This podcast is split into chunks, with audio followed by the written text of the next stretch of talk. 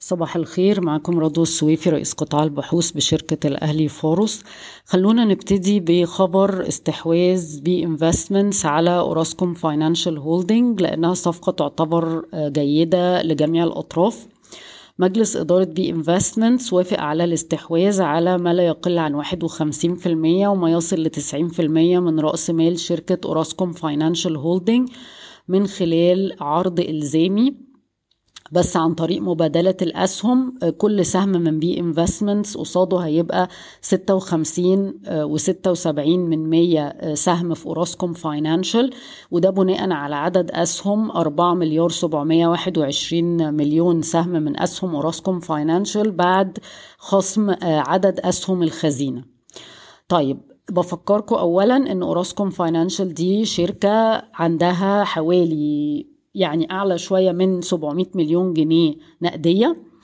آه وفي نفس الوقت بتمتلك 29.7 من شركة Contact Financial Holding وبالتالي آه بحسبة بسيطة كده لو يعني افترضنا إن سهم B Investments متقيم عند 23 جنيه ونص ده معناها إن هو مقيم سهم Orascom Financial Holding عند 41 قرش.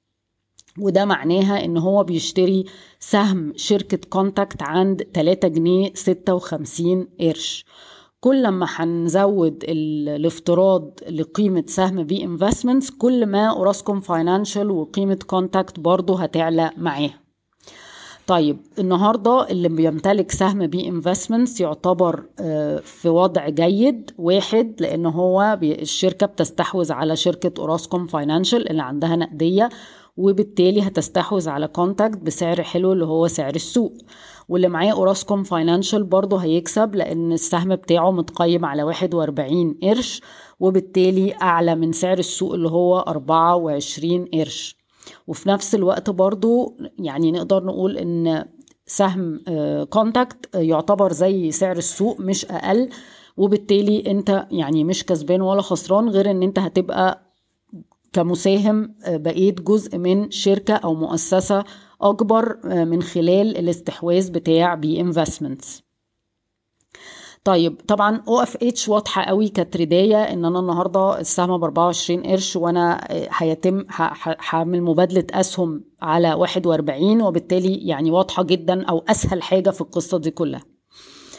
طيب ننتقل بقى للأخبار. لجنة السياسة النقدية هتجتمع يوم الخميس وإحنا متوقعين أن أسعار الفايدة آه تظل دون تغيير. في ظل طبعا إن التضخم دلوقتي في الربع الثالث هيبلغ ذروته وفي نفس الوقت التشديد النقدي بدأ يقف في الولايات المتحدة. آه العضو المنتدب لمؤسسة التمويل الدولية مختار دياب موجود في مصر النهاردة وهيقابل آه رئيس الوزراء وكل المسؤولين في البنك المركزي وفي الحكومة.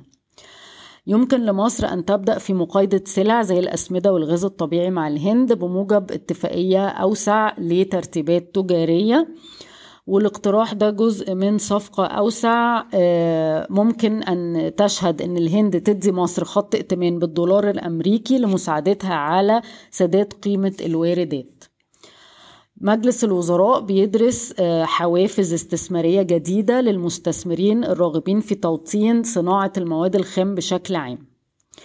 الاستثمار الأجنبي المباشر في مصر سجل في النصف الأول من العام المالي 22-23 5.7 من عشرة مليار دولار بزيادة 57% عن العام الماضي.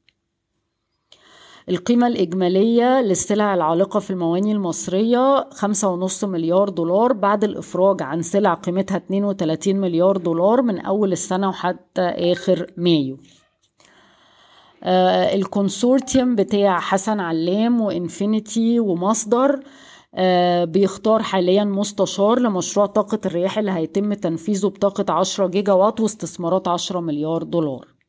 صافي أرباح باكين جت ضعيفة جدا في الربع الثالث من 22 23 6.4 من 10 مليون جنيه مصري بانخفاض 47% على أساس سنوي بسبب ارتفاع النفقات التشغيلية وفي التسع شهور حوالي 26 مليون جنيه. تحالف بيقوده MSC للشحن أه فاز بمناقصة إنشاء وتشغيل ميناء الجاف في العاشر من رمضان باستثمارات 3.5 مليار جنيه.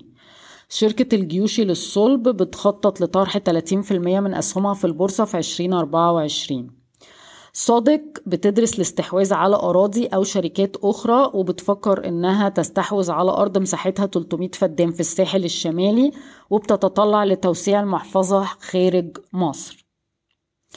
افتتح السيسي محطة تحيا مصر متعددة الأغراض بميناء الأسكندرية لتحويل الميناء إلى مركز عالمي للتجارة واللوجستيات بقدرة سنوية تصل إلى 12 ل 15 مليون طن إضافية من البضائع. بشكركم ويوم سعيد.